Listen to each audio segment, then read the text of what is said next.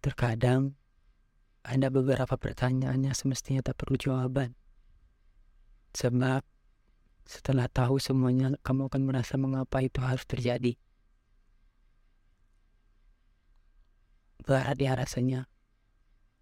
Kayak gak nyangka aja padahal jauh sebelum itu sebenarnya aku juga udah tahu. Memang benar kata hati gak bisa bohong. Kalau aja aku bisa putar waktu, aku gak bakal kasih ruang buat kamu datang di hidup aku. Sekalinya aku izinin orang masuk, orang itu buat aku hancur sehancurnya sampai mikir buat apa kenal orang baru lagi. Kalau nanti pada akhirnya akan sama juga seperti ini. Setelah tidak denganmu, aku memang merasa tak seperti dulu sempat menghilang sejenak untuk patah hati yang panjang. Orang-orang tidak peduli apa yang sebenarnya sedang terjadi pada kita. Saat itu, aku hanya ingin sendiri. Beberapa waktu berlalu cukup lama. Aku yang sudah mulai terbiasa tanpa kehadiranmu, dan begitupun kamu yang terlebih dahulu bisa tanpaku, membuatku merasa ini memang sudah berakhir.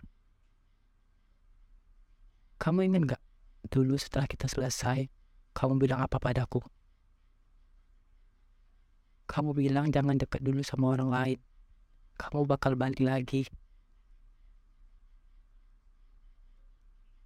Saat kamu bilang itu pada aku, aku percaya itu hingga sampai pada waktunya.